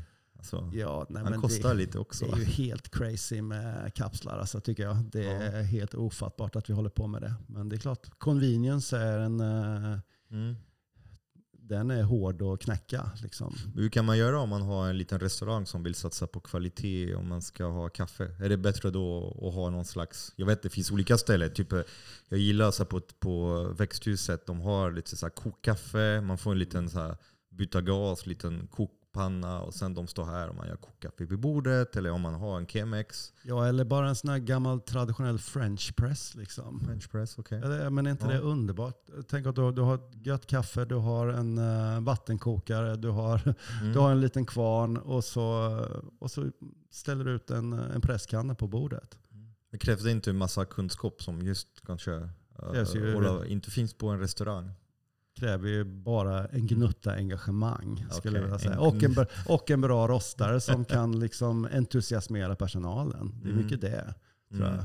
jag menar, när man väl börjar med, med, ja, med restauranger eller vad det nu må vara och börjar prata kaffe och börjar visa den eh, bredden och spännvidden som finns eh, inom kaffe. Mm. Så det finns ju ingen som inte tänder till som är det minsta intresserad av smaker. Alltså det är ju... Mm. Du tände till mig. Va? Du tände, du tände till mig. Jag var noll Jo, men- intresserad i kaffe. Ja men gör jag tänkte, ju. Kaffe var det någonting som drack kallt och sött Ja i bageriet. På, man har en det. kopp vid kanten och när man hinner inte dricka den så den blir lite kall. Så det blir som att dricka ett litet lätt tiramisu-sockerlag. Eh, det har varit lite, lite mitt, mitt början på min kafferesa. Tills att nu när jag eh, väljer bönor med omsorg och eh, jag försöker göra, eh, eller jag försöker, jag, jag gör det och, och, och det som är svårt som allt kaffe kommer från långt borta och jag har inte varit på de platserna. Det är att jag försöker söka mig till producenter som kan spåra hela vägen till gården. Och så att jag vet att bakom min kaffekopp och min njutning och min eh, koffeinkick här är det också människor från länder som kanske inte har, eller som vi vet inte har det så jättebra och kanske hjälpa dem att bidra på plats. Att hjälpa dem att, eh, att bygga välfärden där på sin råvara. Som är, det är inte så mycket mer. Det är kocka och kaffe till exempel i Colombia. Det är väldigt lite annat export. Som inte är mineraler och olja i så fall. Och gas och sånt. Men eh, hur, hur jobbar ni med det? Och, eh, för jag ser att du, du hade lite påsar med det. Jag ser att det finns ingen certifiering på ditt kaffe. Hur kan man veta, hur kan man veta som svensk konsument att en kaffepåse är, är gjort på ett schysst sätt? Att man bidrar till fattiga länder att bli lite mindre fattiga än inte tvärtom. Alltså du kan få köpa ekologiskt kaffe eller du vet, certifierat kaffe. Mm. Fairtrade kan du inte få, det kommer du aldrig få när det står gringo på. Nej. Men eh, vi har ekologiskt kaffe. Men man måste alltså, de, väldigt mycket, alltså nästan allt kaffe i världen odlas ju på väldigt små familjejordbruk. Mm. Det är ju så strukturen ser ut. Och det är klart att det kan på de här små jordbruken, eh, alltså då finns det väl, eh, vad heter det, att man, att man köper gödsel, liksom konstgödsel och så. Mm. Det tror jag absolut. Mm. Och måste, måste, måste man bespruta, om du får till exempel en svampsjukdom, då måste du göra något åt det. Liksom. Då gör du det. Det är lite cyniska, den största sjukdomen inom kaffe är rost. Ja, den heter rost. Men det är en, eh, det är en brutal sjukdom och Ja. den hade vi på våran gård också. hur angriper den ett växt? Alltså det, är, det är Ja, bladen som lider va? Ja, och det sprider sig du vet, Mm. eh, på, och kan förstöra hela din, i princip hela din skörd om du inte gör någonting. Och då Mm. är det kanske då är det besprutning som, som gäller. Det finns inget liksom, ekologiskt eh, alternativ Nej. till det. Kan vara så. Inte ens koppar, alltså som man använder till miljo och så. Alltså koppar, oxid Jo, och precis. så här Jo, men, eh, så här man, jo, ja, men det finns så här basiska, med, basiska Mm. medel och så. Absolut. Och det, Ja. det använder vi själva på Tiara. Ja. Men jag, jag ska säga så här, jag, det, det här med ekologisk odling, det är ju bara ett annat sätt. Det är ju ett ekologiskt variant av konventionell odling. För Mm. mig är det, det är väl bättre än konventionellt. Mm. Men det finns ju andra metoder som är ännu bättre skulle jag vilja säga. Mm. Jag, och jag sätter mig inte till doms över alla dessa små producenter. Men alla, jag har aldrig träffat någon mindre producent som, som vill missbruka sin egen jord så att säga. Och de vill absolut inte lägga pengar på konstgödsel om de inte behöver. Mm. Så jag skulle vilja säga att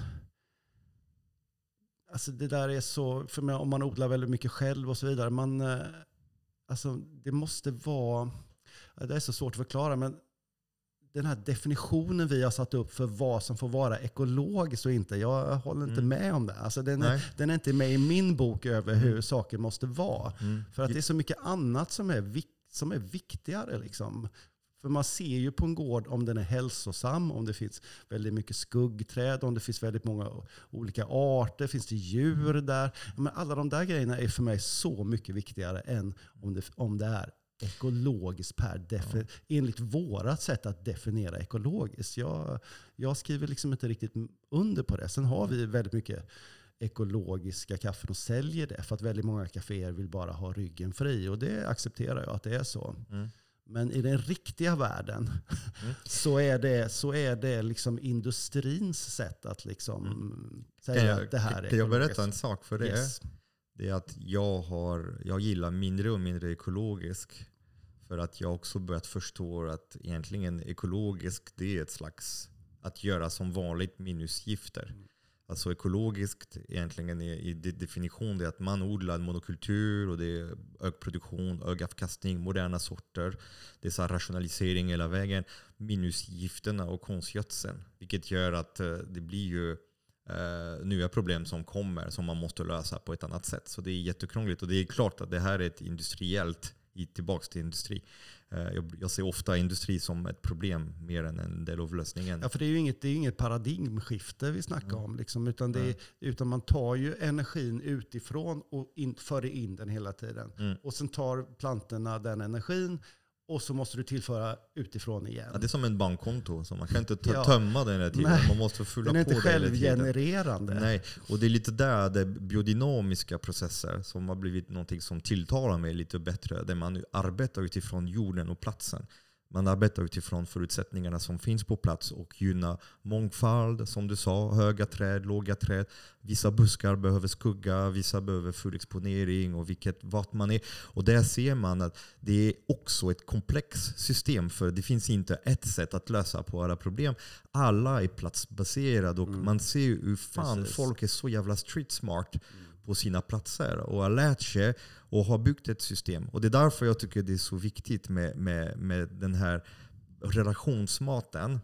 När man litar på människor som är på plats och som, som du säger vill eh, gott om sin jord. De vill att sina barn ska kunna också odla på plats. De vill inte hålla på som konventionella bönder och räkna baklänges hur många skördar man har kvar tills det går åt helvete för att man förlorar mullalten, man har försurnat marken, man har massa ingrepp, massa sjukdomar i marken som gör att det inte går att odla.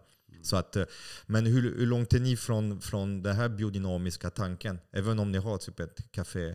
Är, är alla era kaffe ekologiska märkta? Eller hur, hur Alltså- jobbar ni med certifiering? Ja, alltså vi, man kan säga att det de kafferna som är ekologiska, de är ju ofta från lite större gårdar. För att det Mm. finns ju inga mindre gårdar som har en ekologisk certifiering. Nej. Vad kostar en ekologisk certifiering för en sån gård? Ja. För det handlar om det, eller hur? Det är Ja, det, kostnaden som nej, gör att de små att inte det, kan. ja, Alltså börjar vi från 10 000 och uppåt. Liksom. Du vet, det, är, det är helt uh, orealistiskt för de flesta. Men Mm. sen är det också då att de behöver inte den eko- ekologiska certifieringen. Varför ska de underkasta sig ett system utifrån? Skulle det systemet bättre veta hur de ska odla sin produkt än de själva? Mm. Och sen skulle ju inte de får ju inte bättre betalt för de odlar ju för kvalitet. Alltså vi, vi skulle inte betala mer för kaffet bara för att det satt en ekocertifiering på det. Alltså Eh, är det inte sjukt från alldeles Alltså om man tänker lite nu, kan man stanna och se. Du måste betala för att du gör bättre. För att du inte besprutar kemikalier som gör folk sjuka. För att du, inte- du inte sprayar kemikalier som dödar insekter, som förstör mångfald, som smutsar ner vatten. Och sen för det ska du behöva betala för en certifiering. Sen ska du behöva betala för ett kontrollenhet som har en mall som är lite också lite så här, kanske inte passar än med platsen. Och sen det, de som använder alla medel som finns, som inte, de kan göra precis vad som helst. Fria från kontroll. Ja, och sen ska slutkonsumenten inte... Det är klart att det blir en dyrare produkt för det är också svårare att jobba utifrån naturens Ja. förutsättningar. Eh, Men eh, är det inte ett sjukt system? Vem har fan kommit på det här? Ja, det det är så sjukt. Ja, du ska inte kicka igång med det för det är min, det är min största trigger. eh, Aha, Som, som det, det är min också. nu. och jag, jag lovar mig själv att inte gå igång på det och, eh, och fokusera på det. För att eh, jag vill Mm. fokusera på glädje. Ja, men, glädje. men det är klart att det är Mm. helt jävla Ja. barockt. Det Och där är någonting som om man ska, om man ska alltså det här med specialkaffe, okej rostning, det är ett process att man jobbar på ett helt annat sätt. Eh, sen det är såklart att man vill också se som, vi är två vita svenska män här som dricker kaffe. Eh, har vi inte ett ansvar gentemot just eh, alltså fattiga länder som producerar våra, våra koloniala råvaror och just eh, åtminstone med vår konsumtion eh, hjälpa dem att utveckla och bygga ett välfärd också där. Eh, och, eh, och jag känner mer och mer att certifierarna de sitter i vägen.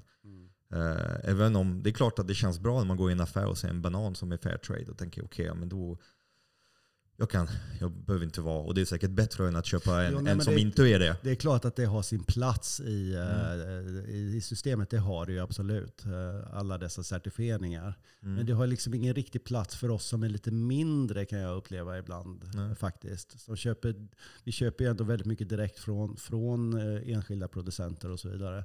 Betalar väldigt bra. Alltså vi, vi överrider ju liksom, li- framförallt uh, Fairtrade-systemet. Mm. Så att, eh, nej, Men men, om jag tar, om jag tar fair trade bok och ser det här, det här, det här, det här. Ni uppfyller alla kriterier. Eller vad, vad failar ni som gör att ni inte kan vara fair trade? Eller är det Alltså fair, kravmärkt? Vad- Fairtrade, jag har otroligt svårt för Fairtrade ska jag säga. För att Mm. jag har upplevt så mycket korruption eh, i Fairtrade. På Okej. Johan Nyström hade vi jättemycket kaffe från Mm. Fairtrade. Så till sist så kontrakterade vi eh, kooperativ som var, drevs av kvinnor. För det var så väldigt mycket fusk där tycker jag i ursprung. Eh, framförallt i Etiopien. Men Är det kvinnor? De fuskar inte lika mycket. Nej, det är min erfarenhet. Ja. Att, eh, och det är också min Det är också erfarenhet. min. Ja, det är det. Nej, men det är också min erfarenhet nu att vi i flera länder så de fasta leverantörerna vi har, så säga, som vi köper från varje år, Mm. det är kvinnor faktiskt. Mm. Och det är bara så skönt att jobba med dem. De är så pålitliga och de är så otroligt noggranna med att vi ska vara nöjda, att det är en bra affärsrelation. Det, det är så häftigt det här hur jordbruksindustri har fört bort kvinnor från jordbruket. Och att kvinnan har varit en, en drivmedel. De har varit ansvariga för fröer, för förädling, för den här noggrannhet och den här tanken att en mamma tänker lite längre. Tänker näst, näst, nästa generation. Och eh, att genom att skapa den här intensiva monokulturjordbruk, man har drivit ju män in i jordbruket och utrustat dem med traktorer och plöj och Mm. maskiner och pesticider och skit och grejer som ökar avkastning. Och det har definitivt förstört jättemycket i alla alla led. Det kan man titta Mm. lite historiskt. Så att jag, jag köper den. Mm. Jag, jag köper också en del vin från kvinnor. Mm. Eh, jag tycker också att det är superhärligt. Man pratar, vill du ha rött eller vitt? Nej, jag vill ha kvinnlig. Kvinnlig. Jag vill ha kvinnlig Ja. vin. För jag vet att eh, det, det finns alltid mer omsorg. Och att jag, Kvinnor jag är får, ofta väldigt mycket mer smaksäkrare än män också. Mm, Det är min mm. erfarenhet. Samtidigt det är svårare att driva en, en vingård eller en kaffegård antar jag om man är en kvinna. Det är det Och säkert inte minst i, i Colombia kan jag tänka mig. Jo. Hur, hur, hur Ja, är den här, finns det fortfarande det här med machista, det här, så här patriarkalet inom, inom odling och kaffe? Alltså det är sån machokultur va, i Colombia. Så det är, Är det, är det så? Ja, det är helt brutalt. Mm. Alltså. Men vi är liksom också, våran gård är ju i ett sånt uh, riktigt cowboy, uh, cowboy area. Liksom. Gringo? Det gringo. Nej, det är extremt macho. Det är det verkligen. Ja. Aha, okej. Så det är ju, eh, hade jag gjort lite noggranna undersökningar så hade jag nog valt en annan region som är lite lugnare, inte lika mycket brottslighet och så Mm. vidare. Det är liksom. så när man går på känsla, med magkänsla, pang, ta beslutet, ta ett glas vin och sen köpa en gård eller skriva Ja. ett inlägg. Det är Eller lite, hur? Ja. Jag skriver faktiskt inte så många inlägg nu efter, efter... Ibland skriver jag dem men jag skickar dem inte. Aha, det är, det är något nytt. du vill bara, du vill Ja, bara du skriva vet, av jag blir så, så här, Ja men det är lätt att bli känslomässig. Alltså man, Mm. man, det har väl du också lärt dig säkert. Att man, man når ju inte fram genom att vara frustrerad. Man måste visa på det goda exemplet. Man måste visa på glädje. Liksom. Mm. Eller hur? Jag är lite trött Det är på det. Jag är lite trött på Du är trött på att visa glädje? Nej, alltså jag kan visa glädje också. Med, det är också lite därför jag gör den här podden. Ja. Att jag tycker att det saknar ju fria, fria röster. Det Jo, men, nu, saknas men fri... du är ju mycket mer nedtonad nu än du var innan så slogs du ju. Du, jag, jag du hade ju, jag va, tror du hade ju vapen i händerna. Ja, men jag tycker att jag inte har blivit så mjukare. Jag tror att samhället har förändrats också. Alltså det jag sa som lät väldigt, väldigt kontroversiellt och väldigt så Ja, rak, nu är lite mer mainstream för att folk också har fattat. Alltså de, min, mina, mina bästa vänner har någonstans någon gång hatat mig. Tyckt att jag är ett röv. För att jag har sagt saker som jag menade då och Mm. som visade vara sant nu i efterhand. Och, eh, Hela den här, kom ihåg alltså när du skrev på min blogg, alltså jag pratade om att jobba med rena mjöler utan askorbinsyra, jobba Mm. med surdeg ren så att det blir riktigt surdegsbröd. Att titta in i gamla sorters spannmål och anverkskvarnar. Det endaste jag gjorde. Jag var emot fusk, pulver, allfabrikat och den här vilseledande marknadsföring kring bageriprodukterna som, som säljs för någonting de inte Nej, är. Nej, men det är ju, Och nu alltså, är det, jag sa inget så rocket science Nej, direkt. nej, alltså, och nu det, är- nu det är ju... Och jag finns kvar. Jag är inte... Alltså, nej, men det är helt rätt. jag har fortfarande det är inte, jobb du- Det är och- inte du som har ändrat dig. Det är Nej. att vi har lärt Samhället vi har vi förändrats. Vi, har lärt jag oss. tror att samhället har förändrats och det ger mig lite hopp också. Och jag tänker att om vi är fler, det är därför jag vill göra den här podden. För jag tänkte att ibland man, har lite, man är lite begränsat med ett inlägg, så spontant, intuitivt. Man, så här, "Åh, man vill hugga här på något Mm. sätt. Och jag vill bort det. För att någonstans, jag har alltid vetat att jag hade rätt. Jag har alltid vetat att jag jobbar med den goda sidan. Att den sidan som vill att människor ska få schysst eh, arbetsvillkor, inte använda massa pesticider och kemikalier. Alltså jag vet vi kan fylla på det här rummet med forskning som Berätta hur en kaffeplantage som använder en rad olika neonikotinoider och fungicider av olika slag. Att kvinnor föder barn med hjärtfel, födde föder barn med missbildningar, gör massa, eh, och, och, och att det blir allmän lägre IQ. Det finns hur mycket forskning om det. Så på något sätt, eh, jag har alltid vetat att nu, det är allmänt, alltså man behöver inte mer vetenskap kring det. Pesticider är ett problem och vi har förlorat två tredjedelar av våra insekter och fåglar på jorden i inte ens 30 år. Så någonting gör vi jävligt fel. Och uh, utan, vi, utan vi nästa steg, nu det blev så här, jag blir så här superberörd av när jag tänker på alla, alla att vi kan inte, fan, vi har lyckats i 15 000 år att producera mat utan att, att förstöra. Hur ska vi ta tillbaka till en, ett sätt som är mer, är mer skonsamt? Fin, finns en plan? Jobbar du med tre steg som jag? Jag tänker så här, vad jag kan göra idag, vad jag kan göra om en månad, vad jag kan göra om ett år. Jag har mitt va, tre steg eh, planering. Det är faktiskt bra. Det har inte jag. Nej? Jag har väldigt lite plan. Nej. Hur, eh, hur, hur, hur ser du framtiden då? För det kommer bli en minskad produktion av kaffe. Det Ja. räknas vara en 50% minskning av produktion och det räknas en ökad av efterfrågan. Ja. Kommer vi tillbaka, kommer vi gå tillbaka till chicorée? Ja, det är intressant faktiskt. Finns någon ersättning till kaffe? Är det, är det rimligt att vi dricker kaffe i Sverige? Så mycket som vi gör egentligen. Och frakta från andra sidan världen. Tanken på klimatförändring och det, det är också. Många frågor. Nu är det ju experiment med, de håller på att bygga de första fartygen som ska segla över. Mm. Så att det är ganska intressant. Vi har köpt ett kaffe från Colombia faktiskt som är, är med i en sån segelbåt. Fantastiskt. Så att det är ju ett fantastiskt projekt. Smutsig olja borta, check. Ja, ja men det är faktiskt bra. Och de Mm. sen, det företaget i sin tur håller på att eh, göra en sån koldioxidkvantifiering. Så att man ska i princip kunna, liksom, om du om du som rosteri eh, kan visa hur mycket koldioxid du släpper ut genom att du levererar ditt, kaffe på ett speciellt sätt, din rostmaskin Mm. dras i och så, och du värmer med vad det nu är, värmehuset och så vidare, då kan du sätta som en eh, CO-stämpel på påsen. Mhm. Nej, men det, det pågår en del eh, lo- lovvärda projekt, absolut. Men Skönt med som kompostering som inte är att man köper en skog som ska kallhugga om 60 år. Ja, nej, Det är det, lite finns ju, skönt. det finns ju så mycket så Det här. finns riktiga vision här på koldioxidutsläpp.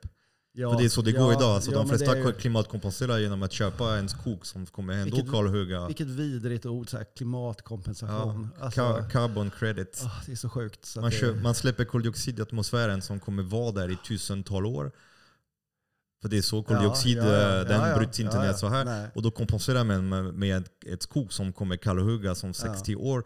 Eller kanske som kan brinna imorgon. Men det är så vi löser problemet. Liksom. Vi skjuter över till någon annan. Precis, till våra, till våra barn och barnbarn. Nej, men jag har ingen superplan, utan jag försöker ju, alltså, det är så lite jag kan göra. Jag kan ju bara vara mitt egna goda exempel. Mm. Och sen eh, försöka ja, göra så gott jag kan i min, i min lilla hörn. Jag försöker inte förändra världen på det sättet. Jag hade otroligt stora ambitioner när, vi hade, när jag hade mitt förra företag, Johan Nyström, där. Mm. Men nu försöker jag mer göra min egen grej och eh, nej men bara hitta bra samarbetspartners. Eh, vi försöker liksom på varje litet, litet steg, som våra avtryck, försöka göra dem så lätta som det bara går på allting vi gör. Det, jag känner att det är det enda jag kan göra. Och sen försöka ja, prata med folk. Mycket mer kan jag inte göra. Jag, jag, alltså jag tänker att hela den här specialkaffebranschen är ju en liten revolution i sig. Och det finns, vi är ju alla, oftast är vi ju väldigt små, de flesta, mot de stora. Men tillsammans så är vi ändå hyfsat stora. Och eh, jag tror att det goda kaffet hela tiden vinner mark. Det, märker, det tror jag att alla märker. Fler och fler upptäcker att det är kul att köpa från en liten producent. Det är kul med smak. Liksom att kaffet smakar lite olika. Det smakar faktiskt lite åt terroir eller, eller Mm. det där. Så att det, Hur ser man så små och stor? För vi har, I Sverige vi har AV Nordqvist som omsätter 4 miljarder. mm, Som drar, vad var det, miljon, hundratal miljoner vinster varje år. mm, Eh, köper kaffe under priset och bidrar till en kaffekultur som är, som är mörk. Mm, Både är i koppen och på fältet. Eh, hur, hur stora är de små? Alltså i förhållande med de stora. Man kan Så säga hur, hur stora är ni? Alltså, vad är volymen? Hur mycket kaffe Alltså ro- de rostar ni? som, man kan säga att alla, den första vågen specialkafferosteri som jag var en del av i och med Johan och Nyström är uppköpta. Mm. Det är nästan alla. Det finns nästan inga av de här som är kvar. De ägs alla av investmentbolag idag. Mm. Och så har det kommit fler under det, det var- varav vi är ett av dem där. Så att vi gör kanske på ett år 100, jag skulle kunna tänka att vi rostar någonstans mellan 120-150 ton. Vilket är ju ändå en, en ans, ansenlig mängd kaffe. Så av de här specialkafferosterierna som finns så är vi, väl helt plötsligt en- en- en av de det är någon större. 20 miljoner omsättning. Vi omsatte förra året 22 miljoner. Okay. Det är ändå... Så det är väl en av de större inom det här. Ja. Och det har alltid varit mitt mål eh, att, att vara så pass stora så att man ändå kan köpa lite volym. Så att man kan Mm. ta en, alltså man, man kan, en mindre producent och kanske kan köpa allt deras kaffe. Alltså jag, blir, jag blir en viktig partner för, för en, Mm. det känns, för mig känns det väldigt viktigt att vara så pass stor. Och få så pass stor impact också. Så att, så För de pyttesmå producenterna, de köper underleverantörer. hur? De ja, det blir, andra... att, det blir lite som att köpa från Martin Servera. Liksom. Du köper ju från olika importörer. Det är Ja. inget fel i det. Det gör jag också Nej, emellanåt. Men, Mm. eh, men man, jag vill ju ha direktkontakten. Det är det som jag tycker är kul. på något sätt. Det är det som Mm. är mycket av min drivkraft. är att försöka förstå vad som händer och ha den här direkta dialogen med de som faktiskt producerar kaffet. Det, sen har man ju alltid massa hjälp av olika importörer och, och någon som finansierar. Det finns ju andra aktörer, men just att man har den här direktkontakten med den som producerar tycker jag är för mig väldigt viktigt. Finns det inga andra typer av odlingar som skulle passa i de områdena där man har kaffe som skulle gynna, som också vi skulle kunna importera? Alltså nötter och... Ja. Eller är det kaffe verkligen? Alltså, hur, hur ser landskapet ut nu? nu det, om du skulle kunna beskriva det här Jo, man, jag tror att man skulle kunna odla alla möjliga, men det gör man inte Kakao och... Ja, det är ändå lite samma typ av utrustning och samma typ av... Eh, ja, precis. Det inte vara kul att få så här kakao, kaffe, jo, det vore kul. speciell choklad? nu tänkte jag, för de som är trött på att köpa choklad som kan innehålla spår av barnarbetet. Ja, just det. Uh, alltså, uh, att jag har faktiskt aldrig varit med om någon kaffegård som... Jo, det finns få, men väldigt fåtal som har kakao. Kryddor har man ju i Indien. har ju alla kaffegårdar kryddor. Mm. Man har ju ingefära. Där, jag tror att det, det, är Indien som är bäst på det, ska jag säga. Mm. Hur ofta Så det är nog bara en se, tradition. Hur ser man indisk kaffe? Jag har aldrig sett det. Indisk kaffe i Sverige.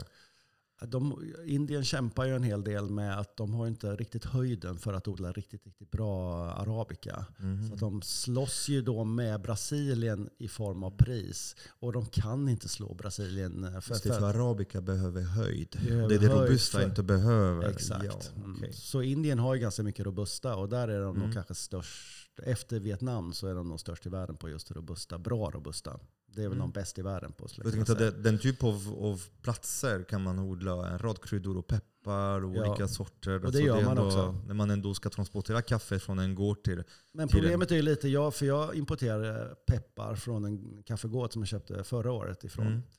Men jag har liksom ingen utväxling för peppar. Jag vet inte vad jag, vem ska jag säga? jag vet inte riktigt vem jag ska sälja det till. Eh, jag sålde det ihop med kaffet. Liksom. Jag skickade med en pepparpåse med kaffet när man mm. köpte från den gården för att det var roligt. Men det är lite mm. det att det är en helt annan, jag kan inte den branschen. Alltså det behövs en revolution inom kryddor också skulle jag säga. Det finns, jag kan tipsa, det finns uh, The Pepper Quest. Eh, som eh, har faktiskt fantastiska peppar från ja, med hela Indonesien och, och, Kina. Och de är verkligen, jobbar lite som du, de har spår, de spårar hela vägen till gården och, och jobbar just med kulturer där peppar inte ens ingår i deras matkultur. De använder peppar som, som någon slags gudarna, uff, alltså om, om man ska gifta sig, som så här, man ger bort till gudarna lite, mm. så här, lite mer uh, händlig, mm. mer än in, inom mat. Uh, så det, det är ganska häftigt. Um, Okej, okay, så inga kryddor, ingen choklad. Men det, det kanske är en, en rolig grej och, om man skulle tänka att ni har ändå rosterier, rosta, alltså rösta. Tänk om du skulle kunna rosta en kakaoböna batch och sen ja. köra en speciell kaffe som får de där chokladtonerna från ja. Den chokladbatchen man kör innan. För det är samma, det är samma utrustning, det är samma typ av maskineriet har jag förstått. Ja, det är bara helt andra temperaturer tror jag. Ja, alltså det, det går att styra. Det är inte en termostatmaskin. Ja, jag såg den här jävla kurvan. Man kan ja, styra på en tiondradel eh, grad där inne. Det är, väl, ja. det är bara någon idé om att man kontaminerar då maskinen med kakao. Ja. Åh, men vad hemskt.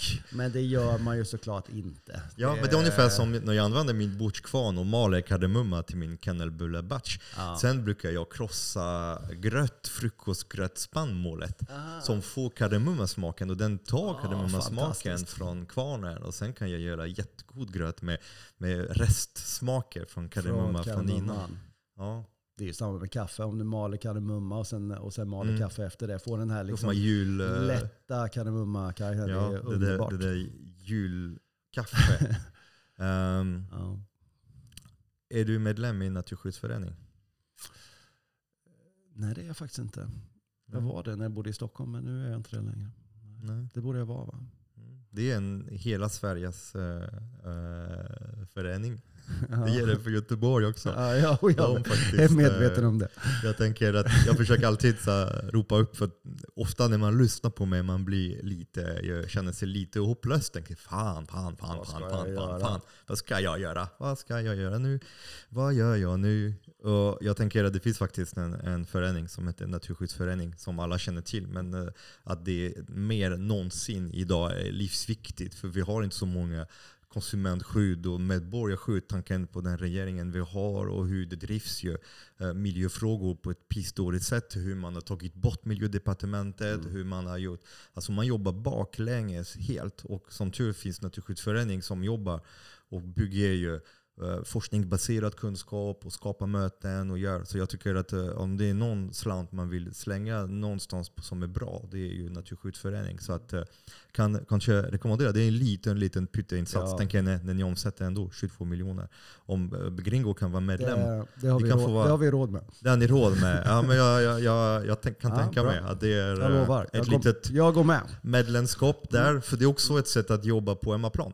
För jag ser att det, är väldigt viktigt att jobba ju, alltså abroad med, med arbetsvillkor och tankar. Men att eh, det finns stor lycka här i, i, i, själva, i själva arbetet kring, kring eh, ja, men så produktion av mat i sig. Och det är också kul för Naturföreningen förut de har handlat mycket, mycket om, så om gruv och naturområde och skog och så. Men de har börjat ge sig lite mer i mat. Eh, och eh, det är därför det är jättekul för min del att stötta dem och eh, att kunna ju, samarbeta lite mer med dem. Ehm, koffein. Ja. Du, är, du är en koffein-junkie antar jag? ja, det kan man väl Det säga. och eh, em, kaffe står för en liten del av koffeinintag i Sverige. Det finns mycket koffein som tas in i kroppen på andra sätt. Som till exempel energidryck och, och så vidare. Är det, är det någonting som du, du tänker på, har koll på? Hur, hur hänger ihop eh, dryckindustri med kaffe? Ett tag det kom en slags trend med cold brew Mm. som blev lite mellan. Det blev som ett slags läskande kaffe. Det, det där försvann lite. Vad, vad tog den vägen? Och hur, hur tänker kaffebranschen kring att folk börjar bli mer och mer beroende på koffein? Det är en bra fråga faktiskt. Det vi har märkt är att det koffeinfria har växt eh, väldigt mycket de senaste åren. Så, så det kanske är som en kontrast till alla dessa energidrycker. Hur, gör man koffeinfri kaffe? Alltså hur går processen? Det finns eh, lite olika metoder, men eh, vi använder av en metod som är eh, det är koldioxid under tryck. Jag har liksom aldrig varit på någon av de där plantagen så jag vet inte. Men det här ska vara den renaste. Man använder sock, För det görs på socker, det heter sockerrörsmetoden. Det, nej, det görs på stora fabriker. Mhm. Eh, Så att, och, sen, eh, och sen ångar man det sista på något sätt. Jag kan, jag kan liksom inte metoden Kan det fin, finns det ursprungsbra kaffe som är terroir? Det, det, finns, är, det finns en varietet som man har utvecklat fram som naturligt har, eh, som inte har någon koffein. Mhm. Men problemet med den, om jag har förstått, är att den ger väldigt lite skörd. Och att den har inget, alltså koffeinet är aggressivt mot eh, olika skadedjur och sådär. Liksom. Mm. Så de blir Så extra, att extra den blir- mumsiga? Ja, den blir, eh, den blir det det extra exponerad. Mm. Liksom. Så, så att jag tror att den har inte blivit någon succé på grund av det. Jag tror att det är Illy framförallt som har, eh, som har hållit på och försökt utveckla det där ganska mycket. Men jag har aldrig sett det slå igenom på något sätt, utan det är den här efterprocessen. Mm. Men koffein, alltså kaffet är ju ganska, har ju en ganska mild koffeinhalt jämfört med en Nocco eller något sånt där som Mm. ungdomarna Vad var häller det? Hur mycket är det? gånger. 120 milligram per Ja, typ något sånt deciliter? där. Typ något sånt. Ja. Så att... ehm, Vet ni var koffeinet i energidryck kommer ifrån? Det här är en bra fråga. kommer, Vet- jag har alltid tänkt att det kommer väldigt mycket från kaffeproduktionen. Mm, mm, Nähä, icke. mm, mm. Det är 10 procent. 90 procent av koffeinet tillverkas i en labb. Jaha. Det är syntetiskt tillverkat. Aha. Man använder urea och eh, RNA. Och eh, det är en sån här supersjuk teknik Aha. som gör att det blir väldigt billigt att producera, producera koffein. Och det är, det är därför den här syntetisk koffein är väldigt, väldigt billigt att producera. Just det. Eh, och det är därför det hamnar ju i, i energidryck och är en, en eh, ja men det, det är jättemånga. Jag ser, alltså jag hade, när jag hade bageriet, jag såg så många ungdomar på morgonen som kom. Ja. Gick förbi mig och gick ner till dagligvaruhandel en trappa ner och kom upp med en Nocco och en kexchokladpaket. Eller en eh, Red Bull och en, eh, en paket gifflar. Och gissa hur det skärde i mitt hjärta. För, att för 40 kronor de hade kunnat få en, en god macka med härlig, riktigt smör och en god lagrad ost eh, Mm. bakat på kulturspannmål som var helt fri från tillsatser och, och, och massa trams. Så att, ehm, Ja, det är otroligt vad de här energidryckerna har satt sig. Liksom. För det är ju också att de här extremt, för de har ju så här extremt artificiella smaker också. mm, Så att det är ju liksom att det har satt sig hos alla ungdomar i princip. Det är ju lite oroväckande faktiskt. och det skapar en kultur, för det är den här godissmaken som man vänjer sig till. Mm, den här, precis. det här är ju konstgjort, Så här ska det smaka liksom. Ja.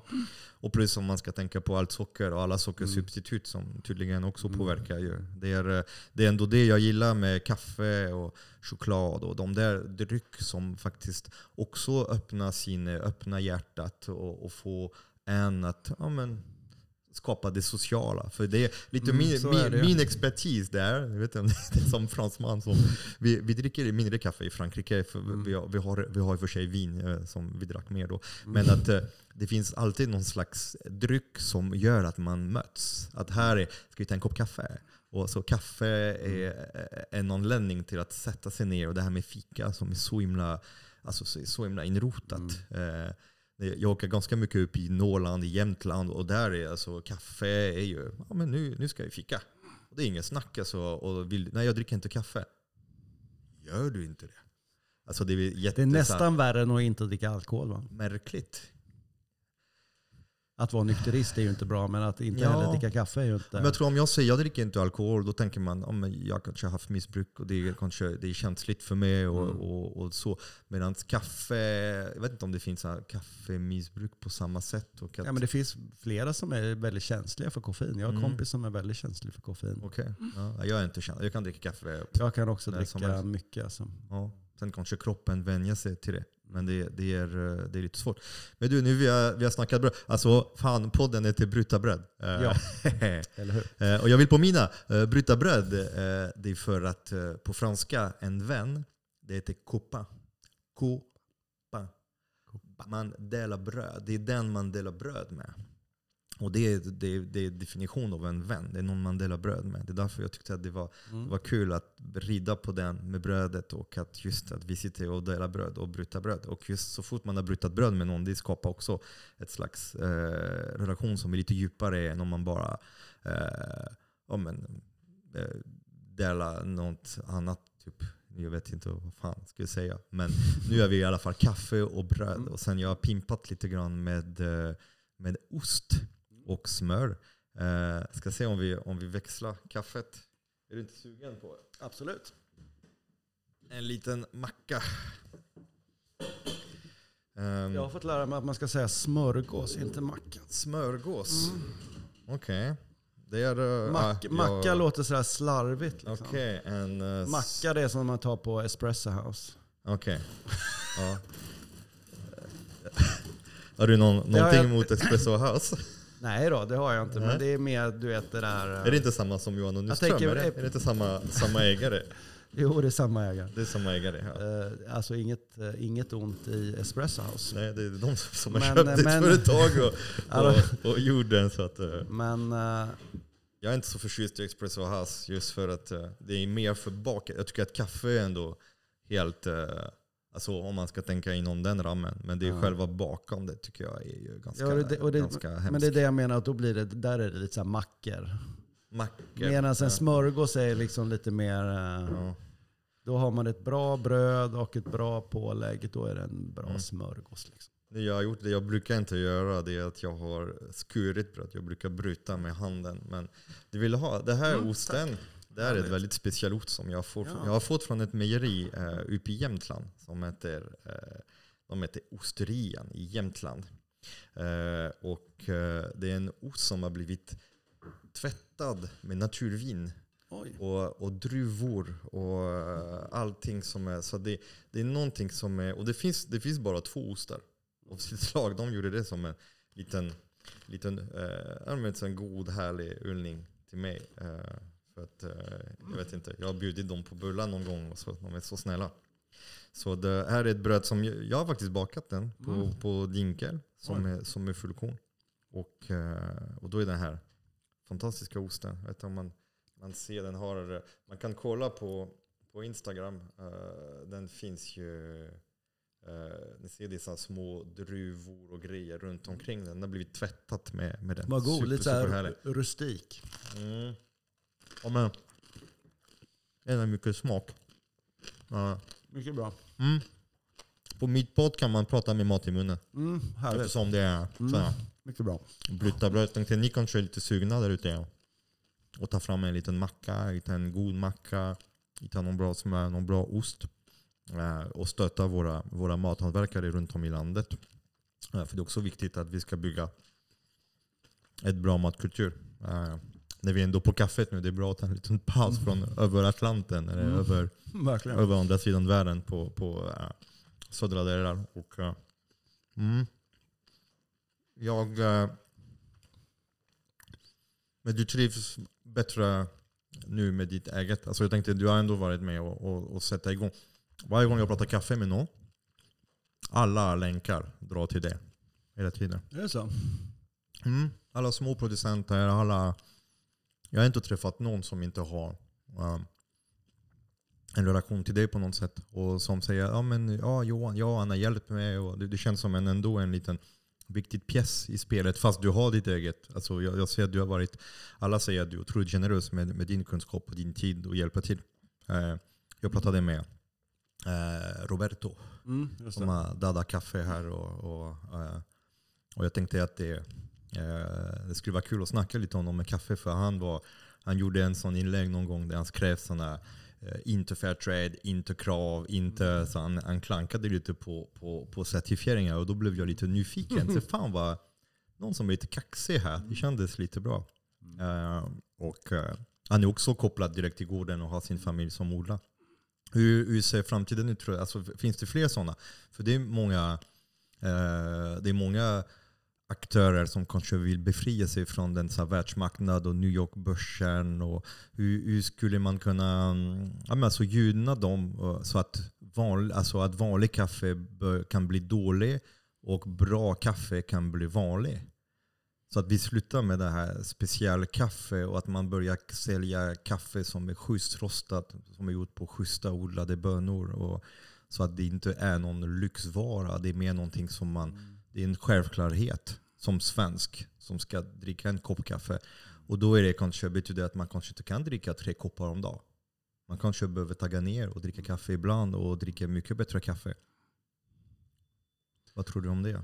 Det där är jättesvårt. Alltså, jag tror ju alltid att mm, om man vill göra ett, ett enkelt val så köper man ju från en mindre producent, alltså ett mindre kafferosteri. För då, det finns ju nästan inget lite mindre rosteri som inte köper bra kaffen så att säga, som är, som är en del av det här som vi kallar specialkafferörelsen. Men sen vad gör man när man står vid, på ICA? Det tycker jag är jättesvårt. Liksom, hur, alltså, hur förändrar man det? För där är det ju, det är ju, det är ju många varianter av samma där på något sätt. Alltså vi, De små aktörerna är ju inte representerade på de här stora detaljhandelsbutikerna.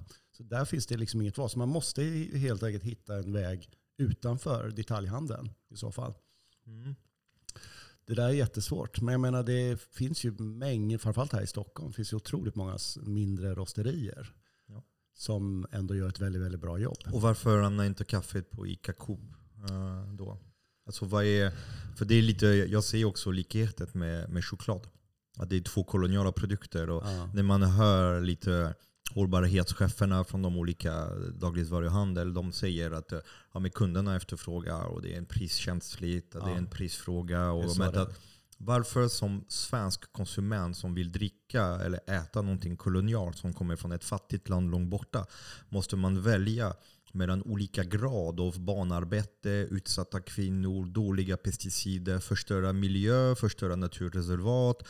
Tills att det blir, ja men här eller inte och inte. Att som svensk man ska ha tillgång till ett bred av utbud som går från den pissigaste i en fin förpackning till det som är faktiskt riktigt bra. Och att dagligvaruhandel ger inte möjlighet till de flesta att kunna hitta det som är riktigt bra.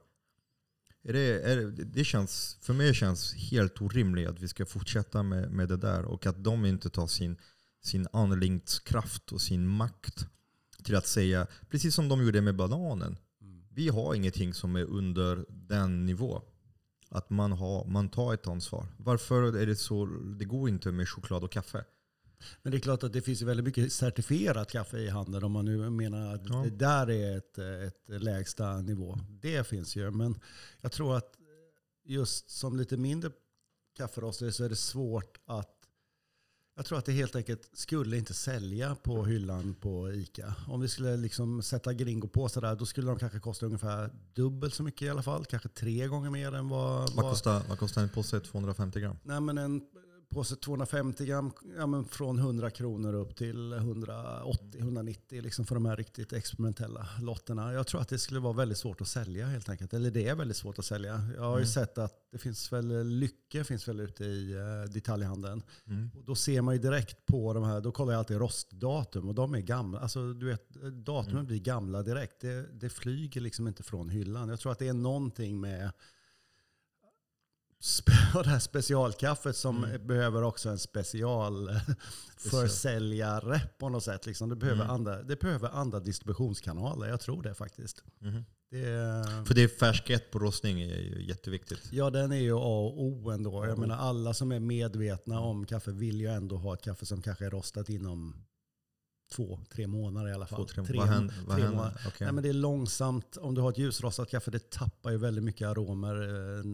Kanske efter tre månader skulle jag säga. Du kan märka, det här, det här är gammal Ja, rostat. det, man känner det på doften framförallt. Arombilden förändras ju ganska mycket. Liksom. Så att jag, ja, men det skulle jag nog rekommendera att man kanske hittar ett kaffe inom tre månader. Sen kan det vara vissa kaffen som faktiskt eh, lyfter efter en viss period. Om du har ja, men till exempel ett östafrikanskt kaffe som är väldigt ljusrostat så kräver det kanske en månads vilotid innan koldioxiden har lämnat och, eh, Mm. och aromerna kommer fram liksom fullt ut. Så det är lite olika. Men, ehm, Finns ingen behandling med gaser och så som brukar användas till andra livsmedel? Det har man ju på de, vi har inte det.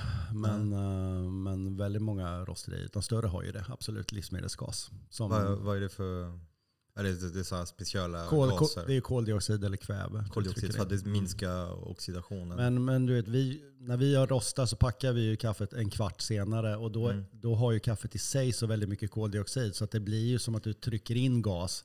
Den här koldioxiden äter ju upp syret inom, eh, inom Därför är det en en liten väldigt kort- eh, ventil. På, Den lilla ventilen där gör ju så att du ska trycka ut det. Så att det jag, jag tycker inte på våra kaffen att det behövs eh, faktiskt. Och sen konsumeras ju det färskt. Folk är ju helt eh, bindgalna när det gäller att hitta färska datum. Alltså den Mm. typen av kunder är väldigt medvetna om det. Att Mm. det ska vara lite för medvetna för att man, man stirrar sig blind på datumen och kanske inte provar kaffet. eh. Nej.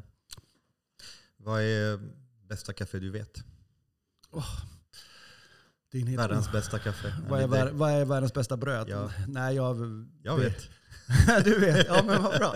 Eh, nej, jag vet inte. Alltså, jo, jag har, en, jag har en, en idé om att det är en, en så lätt, elegant uh, etiopier liksom, som jag har i huvudet. För att det är så sällan man får den här, där det, där det går åt det örtiga, lite så här bergamott Eh, är liksom, den, är svår, den är svår att rosta fram eh, för att den är så elegant och nästan eterisk i sin karaktär. Liksom. Den är svår att brygga för att den försvinner lätt i bryggningen. Men när, du liksom, när månen och solarna står rätt, eh, då, då, då är det världens godaste kaffe. För då har du liksom en sån här helt lätt eh, blommig karaktär som bara är så elegant och helt, nästan helt utan bitterhet. Det är fantastiskt gott. Så det är nog min eh, go-to-kaffe.